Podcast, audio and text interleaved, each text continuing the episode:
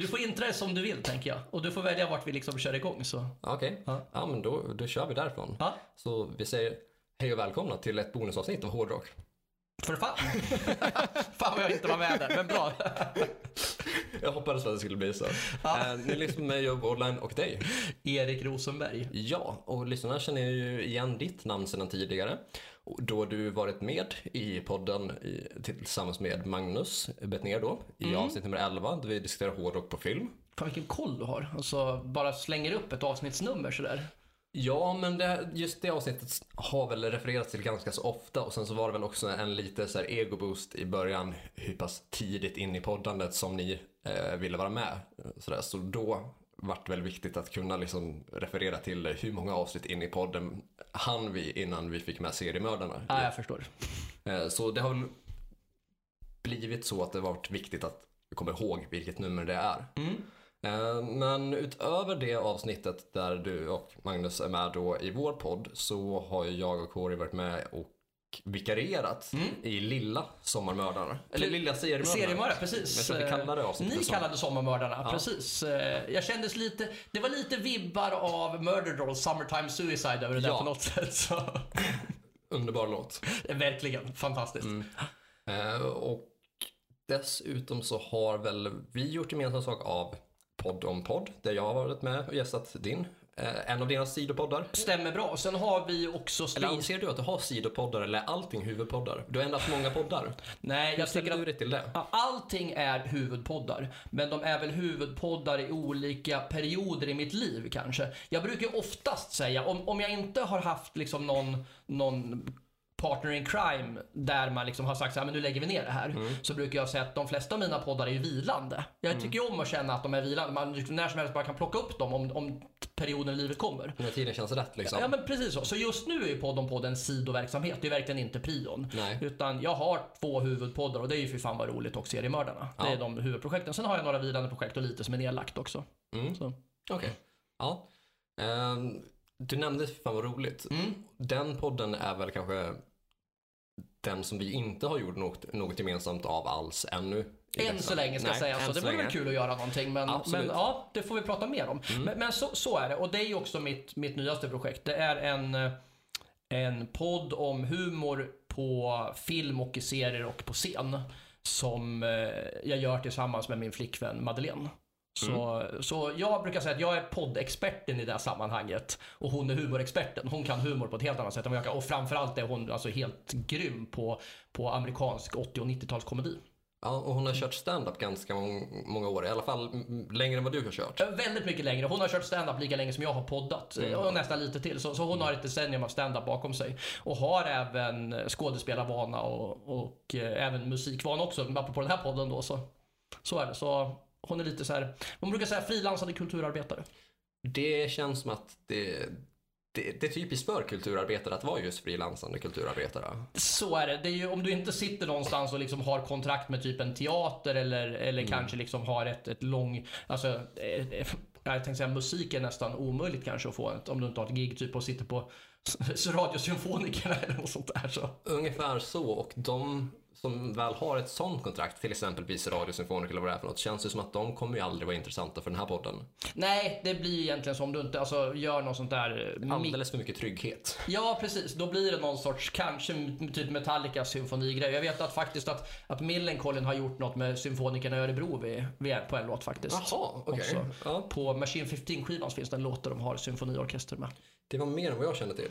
Millencolin är väl annars det, det är svenskt punkband, eller hur? Ja, precis. Det är ju mina, mina husgudar. Ja, jag säga det är väl den svenska punkgrupp som har lyckats bäst internationellt. För jag har för mig att jag kollade ganska nyligen när jag skulle sammanställa ett ganska stort dokument om svenska musikexporter. Eh, att jag såg att Millencolin har någon låt som, undrar om den mest spelade hade kanske 55 miljoner streams eller någonting. Det låter inte omöjligt. Jag tror ju att de har sålt, alltså de är nog passerat 3 miljoner eller om det till och med 4 miljoner plattor worldwide. Och det är ju enormt mycket för ett svenskt rockband alltså. Det är det faktiskt. Jag tror, jag vet inte hur mycket Hives ligger på. Det är väl de som skulle vara större Ja. egentligen då. Eh, Ja, precis. Hives har mer än så. Eh, Mm. De kanske hade typ nästan tredubbla. Undrar om jag såg att de hade 150 miljoner på mest streamade låt. Ja, men det kan, det kan nog stämma. Och har ju ett, alltså deras skivkontrakt är värt mycket mer. Men annars är det, om vi pratar... Alltså, Men eh, anser vi att det Hives är punk då? Jag skulle vilja, så här. Eh, det är så mycket olika, för jag menar Millen, alltså med den argumenten så skulle jag säga att Millencolin idag Mm. är ju mer Foo Fighters än vad de är Operation Ivy egentligen. Okej. Eh, I, I min värld, alltså om du kollar på influenser. Mm, Och det säger de själv också. De, de säger att de fick en skillnad. Det var någon, någon inspelning när de åkte över till USA och skulle spela in en platta och de hade med sig Foo Fighters eh, Color in the Shape-platta. Och sa att det förändrade hela deras sound. Att de kom, kom, och det där är ju, nu gör jag min första derail här. Eller om vi redan är inne på en derail kanske. Men det där är samma sak. Backyard Babies har ju en liknande story. Ja. När de åkte över till USA och var förband till Distortion. Och sen kommer hem och har ett helt annat sound. Från att ha varit ett, ett svensk, egentligen ett sleazeband Ja. egentligen. Till att bli liksom ett, ett garagerockband. Ja, det, den övergången skedde ju mellan Diesel and Power och Total 14, mellan första och andra plattan. Det har ju ett Exakt. glapp där på fyra år. Och inom det glappet så skapades ju också Helicopters. Ja, som vars debut kom 96 där. Så ja, kombinationen av eh, Social Distortion plus Helicopters gav ju Backyard det Backyard är idag. Ja, precis. Faktiskt. Och man kan ju, du hör ju en tydlig skillnad på, alltså jämför Nickes, alltså hur han sjunger Ja. På Diesel and Power mot Total 13 så är det alltså det är nästan som att de har bytt sångare. Alltså man, man hör ju hur influerad Nicke är Ja, av Mike Mike, Ness. Ness där ja. Och Extremt mycket ja. ja, och på ett snyggt sätt. Jag tycker det är inte fult att säga det. Nej. Still with pride så att Ja. säga. Och han gör det verkligen, verkligen snyggt. Ni- Nicke har ju, har ju hittat sin egen stil och ännu mer efter vägen tycker jag. Faktiskt. Och om jag ska vara ärlig så tycker jag att Backyard Babies är bättre än Social Distortion. Ja, där håller jag inte med. Men, men jag, jag Eller respekterar åtminstone, den. åtminstone var. Eh, fram till och med typ kanske jag vet, jag vet inte, men perioden 98 till 2003. Där med Diesel Power, eh, nej inte Diesel Power, Making Total en- 13, Making Enemies, ja. och Stockholm Syndrome. Ja. De tre plattorna där tyckte man, man verkligen höll världsklass. Ja, Efter jag- det är det fortfarande bra men inte lika bra. Nej, jag håller med. Men och, jag skulle nästan säga tvärtom. Så här, Mm. eh, Backyard Babies har varit bättre över tid på att bevara. Mike Ness vill ju bara spela trög arslad blues numera. Ja. Och det är det som är problemet. Alltså, Okej. Jag tycker liksom att gamla Ness, vet ni, White Light, White Heat, White Trash. Alltså det är en av de bästa plattorna som någonsin har gjorts i mina Mm, men den är jävligt bra. Och, så, och, och några till där omkring. Mm. Men, och sen även eh, Sex, Love and Rock'n'Roll också svinbra Mm. platta. Och sen plattan före White Trash också. Men, men som sagt var, jag, vi är ju överens i grunden i alla fall. Det är två Ja. bra band. Ja, absolut.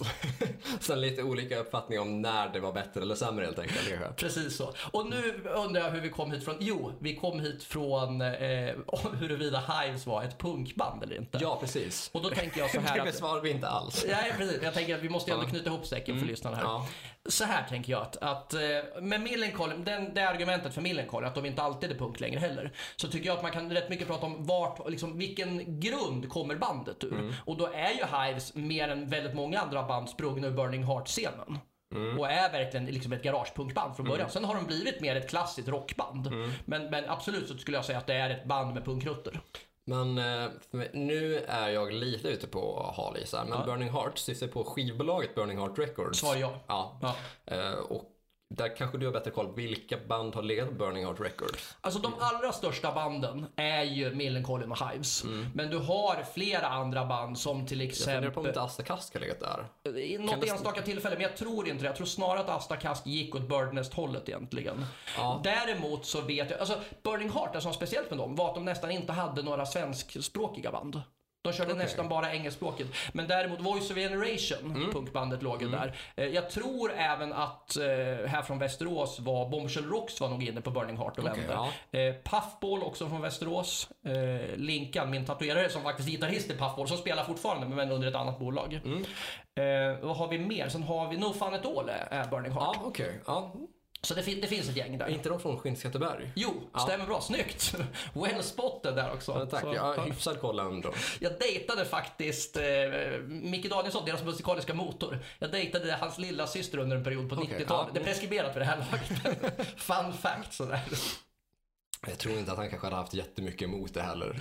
Det är en, en hyvens kille som sitter mitt emot mig. Så, Inte då kanske, men det är en annan, det är, det är en annan så historia. det kanske det var värre möjligen då. Men, Men eh, eh, ja. innan, innan vi skulle besvara huruvida The Hives är ett punkband eller inte, eh, vilket jag inte är säker på om vi fortfarande har besvarat, så vad var det vi skulle besvara? Vi var inne på det. Millencolin och symfonirocken. Det var där vi hamnade på. Att Millencolin faktiskt hade en symfplatta och sen så var det din frågeställning om, om, om Millencolin var det mest, den mest succéartade Ja. Svenska punkexporten. Exakt, Ja, det var där Så vi började egentligen. Mm. Och jag tror väl det, om vi, om vi, beroende på om vi väljer om Hives ett punkband eller inte, så är det väl Millencolin. För det, jag kan inte komma på något annat band som skulle kunna konkurrera där egentligen. Nej, eh, inte liksom sett ur ett internationellt Nej. perspektiv. För visst, även om Ebba Grön har svin mycket sales och streams så är det ju fortfarande inom Sverige eller maximalt typ kanske att man räknar lite sales i Norge, kanske Ja. Danmark. Sen har du ju i och för sig, fast att de kommer aldrig komma i närheten. Däremot möjligen, och sen kan du också tänka så här att ja men vissa band kanske inte är kommersiellt framgångsrika. Men sen Nej. har du enormt, alltså de är enormt stora i nisch, alltså i nischkretsar. Alltså Mm. de kanske är störst i sin genre, fast genren är liten. Jag tänker på till exempel Nasum. Som är, nu är det mer grindcore egentligen än, än vad det är punk. Mm, jag har faktiskt aldrig hört dem. Jag har bara läst loggan någon gång. Ja, det är ju liksom i princip, du, du tar Napalm Death och sen gör du det alltså tio gånger hårdare. Så att det är liksom Okay, Det är ju en vägg av ljud bara. Mm. Men, men de var ju typ, alltså, eh, kanske efter Napalm Death störst i sin genre. Okej, Och ja. svinstora i Japan. Men väldigt små i Sverige. Ja, för jag, som att jag typ aldrig hört talas om någon som all, jag kan- inte minnas att jag någonsin har hört dem eller att någon har pratat om dem utan det är något typ jag har läst någonstans typ kanske typ i förbifarten på en festivalposter någonstans eller något sånt eller typ i någon, någon recension i Sweden Rock Magazine och då är det ju ändå typ alla skivor som recenseras mer eller mindre som skickas in typ. Ja. Nej men, och, nej, men de, de var ju jättestora och de blev ju mest, mest framgångsrika, eller mest uppmärksammade för att, eh, i Sverige då, för att eh, gitarristen och sångaren Miesko gick bort i tsunamin.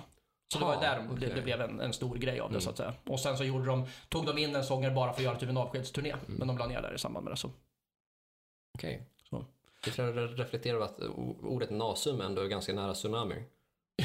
ja, ja, den har jag inte Är det- hört, det- den har jag inte tänkt på. Men, ja. Då, då hörde folk det här först. ja, precis. En, eh, en eh, tanke, vet du det, ett tankesprång en bit bort. Ja. Det är väl det jag kom på. Sen finns det ju så enstaka medlemmar av, i olika band som har dykt upp. Egentligen så finns det ju Inge Johansson som spelade i International Noise Conspiracy. Ja. Spelar ju, och nu blandar jag ihop det. Jag kommer aldrig ihåg om det är Against Me eller Rise Against som han spelar i. Men något av de amerikanska banden. Bägge de två banden är ju stora. Rise Ja. Against kanske snäppet större än Against Me, men ändå, alltså det är namn man ska känna till om man har, lyssnar på punk. Precis. Och sen är frågan så här hur mycket, det är också så här, är det punk eller är det vet, om man säger typ eh, rock, punkrock liksom. Så, Och där ska, måste jag väl till, gå ut i Rise försvar.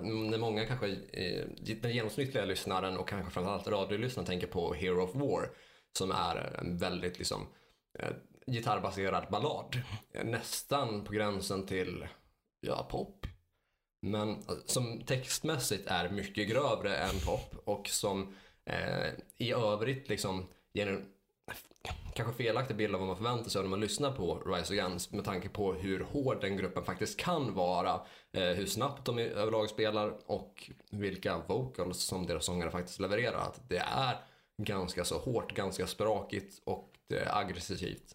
Mm. Så har man bara hört Hero of War så då är man ju lite kanske in for a treat om man skulle slå på deras låtar i övrigt. Eller så är det det helt omvända, att man får en chock av det negativa slaget och man förväntar sig att men det här är väl ett trevligt poprockband. Är inte det där ganska vanligt att de låtarna som blir mer mainstream, kolla på Pantera till exempel. Ja. Alltså 90% av de säger, ja men jag gillar Pantera, då har de hört Cemetery Gates bara. Ja, Och sen Walk möjligen också. Men det är ändå inte, alltså Cemetery Gates är, tycker inte jag är så jävla representativ för Pantera egentligen. nej, det, det håller jag med om. Och jag måste väl också säga att Hero of War är lite för Rise, Rise Against vad Nothing Else Matters för Metallica. Bra jämförelse, det, jag gillar den så.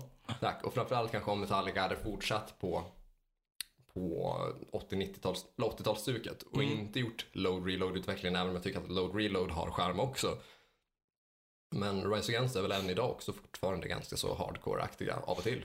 Jo, men det, det, får man, det får man väl säga. Jag är lite, lite för oinkörd på, men det jag har hört i alla fall. Så det, liksom, det tilltalar mig. Men, men lite nackdelar så här, men när man blir så gammal som jag, jag tänkte säga så, här, så blir man ju lite slö. Det är liksom så här, jag orkar ju inte du vet, leta Alltså, upp nej. ny musik, utan man hittar någonting som bara, men det här är bra. Så ibland så tvingar man sig själv lyssna in sig på det. Blir lite bekväm i det liksom och tänker att man har nog hittat ganska mycket ändå som är bra. Då vet Ja. man det. Ja. så blir, faller man kvar i. Men, Mm. men nu har jag ändå försökt ibland så här på Spotify, man hittar liksom band som när jag liksom, ja, men vad, liksom, lyssnar också på så faller man ur. Eller typ hittar någon playlist av någon annan och så drar man igång och så hittar man något nytt punkband som man man typ borde ha, borde ha hört för 20 år sedan. Men jag ramlade ju till exempel på, Pennywise har ju en platta, nu kommer inte jag ihåg vad sångaren heter. Eh, alltså Jim Lindberg är ju Pennywise huvudsångare. Okej. Men de, eh, under en period så hoppade han av och sen så kom det in sångare från Ignite, så jag kommer inte ihåg vad, vad han heter. Nej. Men den plattan upptäckte jag bara för någon månad sedan och bara, fan det här är ju bland det bästa Pennywise har gjort. Plattan heter, jag undrar om den heter Revolution, plattan kanske? Det är möjligt, jag kan inga Pennywise eh, plattor alls. Nej. Jag kan låten Fuck Authority och Bro-hymn. Ja precis, Brohymn är deras ja. stora liksom som de alltid, deras konsertavslutare och det, Ja. det som är deras anthem så att säga. Så, men, men, ett band som, som har verkligen har liksom växt till, till ett av de riktigt stora hos mig. Så att jag tycker de är fantastiska. Eh, Gillar man typ skatepunk så är ju de kanske liksom det hårdaste och mest kompromiss... Kompromisslöst låter så tuntigt, typ. men de är ju kompromisslösa. De har ju liksom verkligen aldrig sålt ut sig någon gång eller blivit kommersiella. Utan de har kört sitt race hela vägen. Så. Jag tänkte, eh, titeln Brohymn. Eh, om, om den är kompromisslös idag eller inte. Eller om det är just det kanske att det kompromisslösa ligger i att den är väldigt liksom vänskaplig och liksom så här eh, subkulturs anammande på något sätt. Eller su- subkultursbefrämjande. För annars kanske att en bro, alltså om man skulle släppa titeln Bro-hymn idag så kanske den skulle kännas som att den är mer mainstream Ja. än kanske vad den var då. Jag, jag förstår vad du menar. Det finns risk att den blir eh, vad Good Riddance har blivit för... Eh, Green Day. ja, precis. Att det blir någonting man står och sjunger på skolavslutningar och är liksom typ, alltså ett grabbgäng skrålar med. Ja. Men det som talar till Brohymns försvar är att låten skrevs ju i princip innan Pennywise var stora. Och de har ju växt med låten. Mm. Och grejen är att nu är det en hyllning till deras eh, gamla basist Jason Thirsk som tog livet av sig. Mm. Okej. Men det var den ju inte när den skrevs. Alltså när den skrevs så var det ju Jason Thirsk som spelar bas på originalet. Men de bytte ju ut den. This one goes to you, Jason Matthew Thirsk sjunger de ju numera. Mm. Men de har ju gjort Brohym till en hyllning till honom i efterhand. Och det är det jag menar, så att liksom låten har ju blivit kom, alltså, populär i samband med att de har blivit populära. Mm, Okej, ja men det fattar jag. Ja, jag hade inte alls koll på de detaljerna bakom det. Så, då, så det tycker jag liksom, det är skillnad om de hade skrivit Brohym på en senare platta. Men i och med att det är verkligen en av Mm. deras första hits så tycker jag liksom att då, då kommer man undan med det. Ja, det, så. det påverkar ändå situationen. Men du, vi hade ju typ ett tema för det här, hade vi tänkt också. Eh, och du har kanske inte pitchat klart, fy fan vad roligt heller. Nej, men- Ska du säga vad ni gör? Ja, men vi, vi, vi träffas ju eh, oftare tänkte jag säga. men men vi, vi spelar in podden. Vi släpper ett avsnitt varannan vecka. Eh, där vi eh, då går igenom, vi tar en, en serie eller en film eh, som är, alltså det enda temat är att det ska vara en, en komedi av något slag, eller liksom en komedibas. Och sen så nördar vi loss ordentligt, på samma sätt som jag vet att du och Corey också älskar att bryta sönder saker. Ja. Vi bryter ner allting i små detaljer. Så Varför är det här roligt? Vad har de här människorna gjort i övrigt? Vad finns det för detaljer? Vad är det man borde se om? Vad är det man borde upptäcka? Alltså varenda bit av det. Så vi bryter ihop, bryter sönder. Det är ingen recensionspodd. Nej. Utan vi gör verkligen en, en analys av det. På vårt, alltså med en egen touch. Och sen släpper vi ett avsnitt varannan vecka. Så det kan vara allt från att vi kör Galenskaparnas eh, show från 2001 till att vi analyserar American Pie 3. Så ja, högt och lågt verkligen. Fint. Eller lågt och lågt beroende på vad man tycker. Vi, har ju, vi tycker ju om eh, barnslig humor, både jag och Madeleine. Det är ju, förutom mycket annat vi har gemensamt, så är det där vi, vi enas i humorn. Så, är det. väldigt fint. Ja, så för fan vad roligt finns på typ alla sociala medier och eh, Patreon och sen som vanligt, sådär, som vi brukar säga, där poddar finns egentligen. Eh, och jag skulle väl då säga Spotify Acast. Det, det, det, Ja. det, det är där jag har lyssnat på podden i alla fall. Fair enough, det hittar de utmärkt både på Spotify och Acast. där folk hittar Hårdrock för fan hittar de även Fy fan vad roligt. Ja, och vice versa tänkte jag Ja. säga. Så.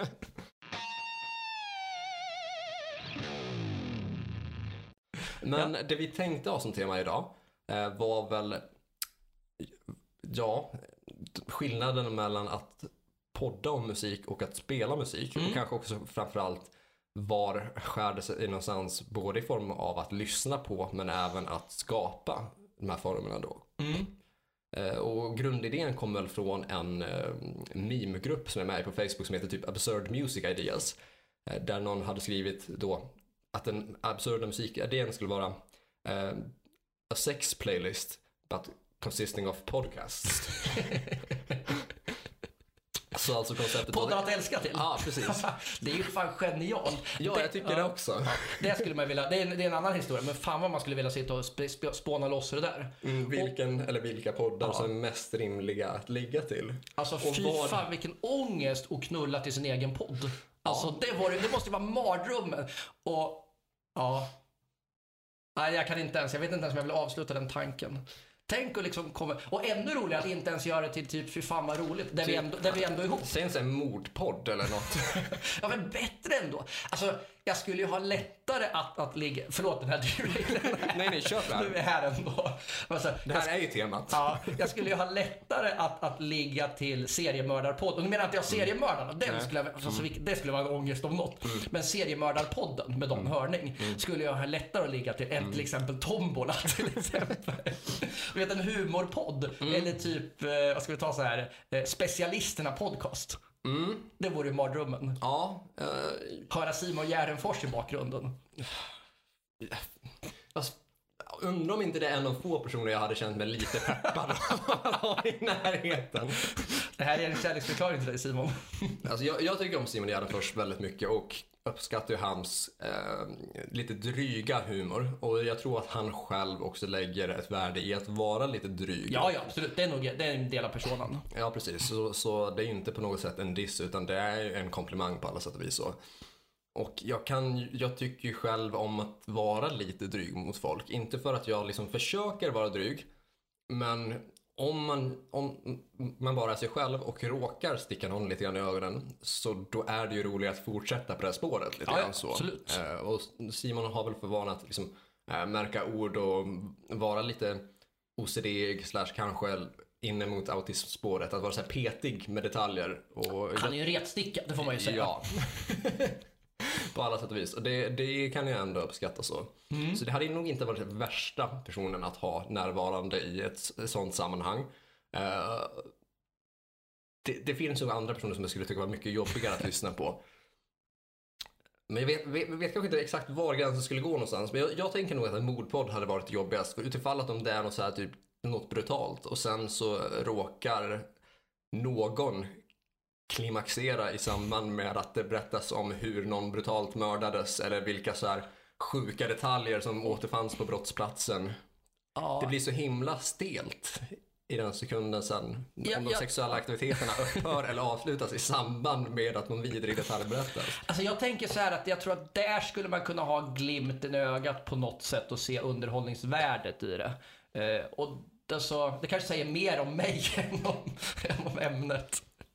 Kanske också se mer om att vi i så fall befinner oss i parrelationer. Kanske mycket svårare, säg typ ett one night stand eller något sånt där, eller om man precis har träffat någon, än om man ha- har haft en relation. Då skulle man framstå som störd på riktigt. Exakt. Nu är man ju lagom störd ändå, men det är ju... Men det är mer accepterat när man har fått en bekantskap Ja. än om det är en ny bekantskap. kanske. Så är det, så är det absolut. Sen är det väl också en fördel att vara ihop med någon som är, alltså, som har ett uttalat intresse för humor och comedy själv också. Alltså Mm. när man vet att man liksom kan skratta åt absurda grejer på ett helt annat sätt. Ja, och man fattar att det är liksom, ibland så är det absurda i sig roligt och inte just kanske typ själva ett visst uttalande eller en viss händelse utan bara liksom det sjuka i att det här faktiskt har det hänt? Ja. Ja. Och det är någonting som folk kan ha lite, en del kan ha svårt att typ ta in eller förstå annars att I, ja, det, det håller jag med Och det där någonstans tänker jag, precis i det där, i, i förmågan att kunna se de sjuka grejerna. Det är precis där som jag tycker humor skapas ofta. Det är Ja. det som ofta blir grunden till en sketch eller till en stand-up-rutin för all del. Bara så här, oj, det här var det sjukaste. Eller så liksom, plötsligt kommer du på dig själv med liksom att typ så här, oj, hur hamnade jag i soprummet och sitta och runka här? Alltså, inte ett, hypotetiskt exempel, vill noga vara exempel, ett hypotetiskt exempel. Men plötsligt om du kommer på den tankevurpan så kan du börja, och då börjar återkomma så här. Hur hamnar man runkande i sitt soprum? Och sen går du tillbaka. Ja. Och plötsligt så har du en sketch eller en stand-up-rutin där. Du ska Ja. bara fila till den. Och det är det jag menar, där. när du ser det där sjuka med att du ligger och knullar till en, alltså en mordpodd. Ja. Så har du grunden för en, ett skämt där. Sen ska du bara spinna så här, hur kommer man dit? För det är ju också möjligt att typ den här kommentaren eller den här memen som jag såg då i den här gruppen var baserad på en sann eh, historia. Säg att någon har slagit på en låt på Spotify eller någonting sånt där men glömt att man sedan tidigare köat en podd. Och helt plötsligt, liksom, några, eh, några minuter senare, så kommer det där att eh, det är två killar som sitter och pratar om ett ämne som de tycker är trevligt sådär. När det är det sista man hade velat höra för stunden. Ja, fast ändå, jag måste ändå vara lite spetsig här och säga att hellre det som bakgrundsmusik, alltså bakgrundsljud till sex, än att ha Thomas Ledin till exempel. Ja, jo, Alla dagar. Det kan jag nog acceptera. Och, eller samma sak, så jag kan ju också tänka så här. Alltså jag är ingen fan av, utan att bli för explicit, jag är ingen fan av att ha sex till musik. Och har man det så känns det som, det finns vissa lägen som man, jag tror man, jag skulle kunna förstöra en låt med det. Du vet, så att tänka liksom att, Då måste ju nästan musiken ha enbart det syftet. det är så jag menar. Det är liksom så här, om dra på en riktigt bra låt, tänker jag så här, den här kanske jag inte vill knulla till på något Nej. sätt så. Nej, jag, jag fattar det. Och som sagt, jag skulle nog separera på det. Att det är, I så fall får det vara musik som är uteslutande för det syftet. Ja, Och- men lite så, Och hur mycket Thomas Ledin än vill sälja in sin musik som eh, sånger att älska till. Så jag ser inte den, jag ser inte det ske. Nej, och sen samma sak tror jag att försöker man skriva musik som det ska älskas till, så har man nog misslyckats från början. Ja, man har helt fel approach. Då är vi inne på den där brohymn-grejen egentligen. Ja. Då försöker man skapa någonting som inte funkar. Mm. Så du kan inte skapa den känslan av, tror jag, intimitet eller erotik egentligen. Mm. Och den måste ju ändå eh, ge lite cred till typ den moderna och framförallt då eh, kvinnligt baserade typ rappen och hiphopen i form av Nicki Minaj, Cardi B, eh, Doja Cat och liknande. Där det är låtar uteslutande om sex. Ja, och som det blir lite liksom dirty på riktigt. Det blir Ja. inte smetigt. Det är det Nej, som är grejen. nej, nej. och det är, liksom, Utan- Mm. det är det här man vill åt. Man vill inte åt smetigheten. Du kan inte ha den här I wanna know what love is till exempel. Nej, nej, det, ja, nej, det funkar inte. Utan det, det ska det vara liksom typ vulgärt fast med attityd och också med rimlig bak, het bakom det. Och kanske framförallt också kan jag tycka att det ska vara just med fördel kvinnlig vokalist. Inte för att, inte ur mitt perspektiv som man då, utan helt enkelt för att det blir mer attityd av det helt enkelt och mindre det känns som att det hade varit mer sexistiskt om det hade varit en manlig vokalist och också kanske mm, inte alls att det finns samma typ grund för det på något sätt. Nej, det blir lite mer, en man kan bli lite mer felaktigt in your face. Och Ja. no, no pun intended. Också så. Men någonstans där så, ja, jo. Förlåt att jag derailade där en gång till så. Eh, Det har nog jag också bidragit lika mycket till och som sagt jag sa att du inför det här att du får deraila exakt hur mycket du vill. Ja, det är på något sätt temat i de poddar jag gör, att deraila det. Men, men temat för det här avsnittet då? Ja, för att svara på din fråga så blir det, alltså man måste, det går inte att prata om vad som, vad som skiljer utan att prata om vad som är likheten. Ja. Och jag tänker någonstans, ska man vara lite så här faktamässigt tråkig så tänker jag att det som har förändrat allting Mm. är ju just det här att vi kan göra det vi gör nu. Vi vet att sitta liksom och bara spela in. Ja. Vi gör ju i princip radio här. Mm. Och liksom har, har makten över produktionen själva. Mm. Och då har ju musiken haft mycket längre än vad, än vad radio, alltså än vad pratet har egentligen. Ja. För jag menar musiken har ju ändå, jag menar visst, du hade kunnat gjort samma sak. Du kan gå in i en musikstudio och spela in en CD och skicka runt till radiostationerna. Men sannolikheten att en radiostation ska spela in ett prat, alltså spe, spela upp ett prat, Ja. är ju noll. Yes. Alltså får de in en demo av ett band så finns det ju en viss sannolikhet. Så det är först egentligen i poddvärlden som du har chansen att göra ett radioprogram själv om du vill det. Mm. Ja, Jag tänker också att det här är en mycket mer direkt process där. Om man vill göra det enkelt så måste man ju inte klippa någonting utan det, det går ju att bara trycka räck och sen publicera. Ja, Eh, Det behövs ju inga pålägg på samma sätt, även om vi självklart i HRF brukar lägga på liksom en del typ effekter. Eh, Och då är frågan då att det är då Kåre som sitter och klipper och klistrar in det då, men att det då läggs på vårat prat. Eller att vi kanske kan göra en tilltagning där vi säger lite tips Lite tips, lite tips. mm. till varandra fram och tillbaka med med ett eko och sådär. Ehm, men teori, den teoretiska möjligheten finns ju för en podd att bara liksom trycka räck och sen stopp och sen publicera. Det sker ju nästan aldrig i musikens värld. Utan där är det ju pålägg in absurdum och sen kanske man också ska köra någon timme av att bara prova ljud av och till. Eh, olika inställningar som ska upp och ner och mickar som ska flyttas omkring. En trumma ska slås på av och till i typ en timme innan man kommer fram till att jo men den trumman låter okej. Så är det. Och en annan del som också är på, på det här temat, det är ju att Alltså med podd, om du går in så här och folk, folk frågar Alltså fråga mig som har gjort poddar länge. Mm. Jag säger inte att jag är någon superexpert på det sättet, men jag har ändå liksom lång erfarenhet. Mm. Folk frågar så här, vilket tips skulle du kunna ge? Då skulle jag säga engagemang och entusiasm och energi. Alltså när du går in så måste du, du måste höra att du tycker att det är kul i en podd. Ja. Så det största misstaget som folk gör, det är när man går in så här, så, så här man, vet inte, man vet inte vad man ska prata om. Och det behöver inte vara ett problem. Det har vi sett. Alltså, du, du och jag skulle kunna sätta oss, för vi har gjort så många poddavsnitt. Ja. Jag skulle vara helt övertygad om att du och jag bara skulle kunna säga vi måste, vi måste leverera en timme podd. Och du och jag kan på grund av vår gemensamma erfarenhet göra en bra timme podcast tillsammans. Ja. För vi vet att vi måste gå in med 100%. Ja, och vi har redan gjort så pass många avsnitt på varsitt håll och även några tillsammans att vi vet dels vad vi liksom så brukar tycka om att göra, vad vi liksom ha, eh, har oss själva men också lite grann vad vi har varandra. Typ så här, hur vi ska bolla, var vi kan ta vid och liksom var vi eventuellt skulle kunna tänkas behöva sluta. Ja.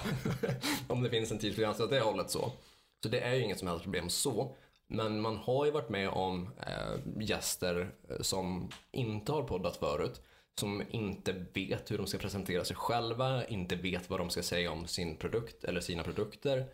Och inte riktigt hittar den här energin typ bara från början. Så Nej precis, att komma in liksom med, med och, och det är det här jag tänker att när du hör det direkt när det är två, jag säger killar för det är oftast killar. Oftast ja. Så, som kommer in och så liksom sitter de där och det märks att de vill göra det här men de tycker att det är lite jobbigt att gå in och det blir så här, ja Lasse, vad ska vi, vad ska vi snacka om nu då? Istället för att bara så här Ta ett jäkla ämne, vad som helst. Alltså, Lasse, såg du, såg du språka på serbokratiska? Det är fan bättre att bara gå in med vilket ämne som helst. Istället för att bara liksom, man blir för laid back. Ja. Det är bättre att framstå som en på-nörd. Och jag måste säga att jag älskar den titeln, Språka på serbokratiska.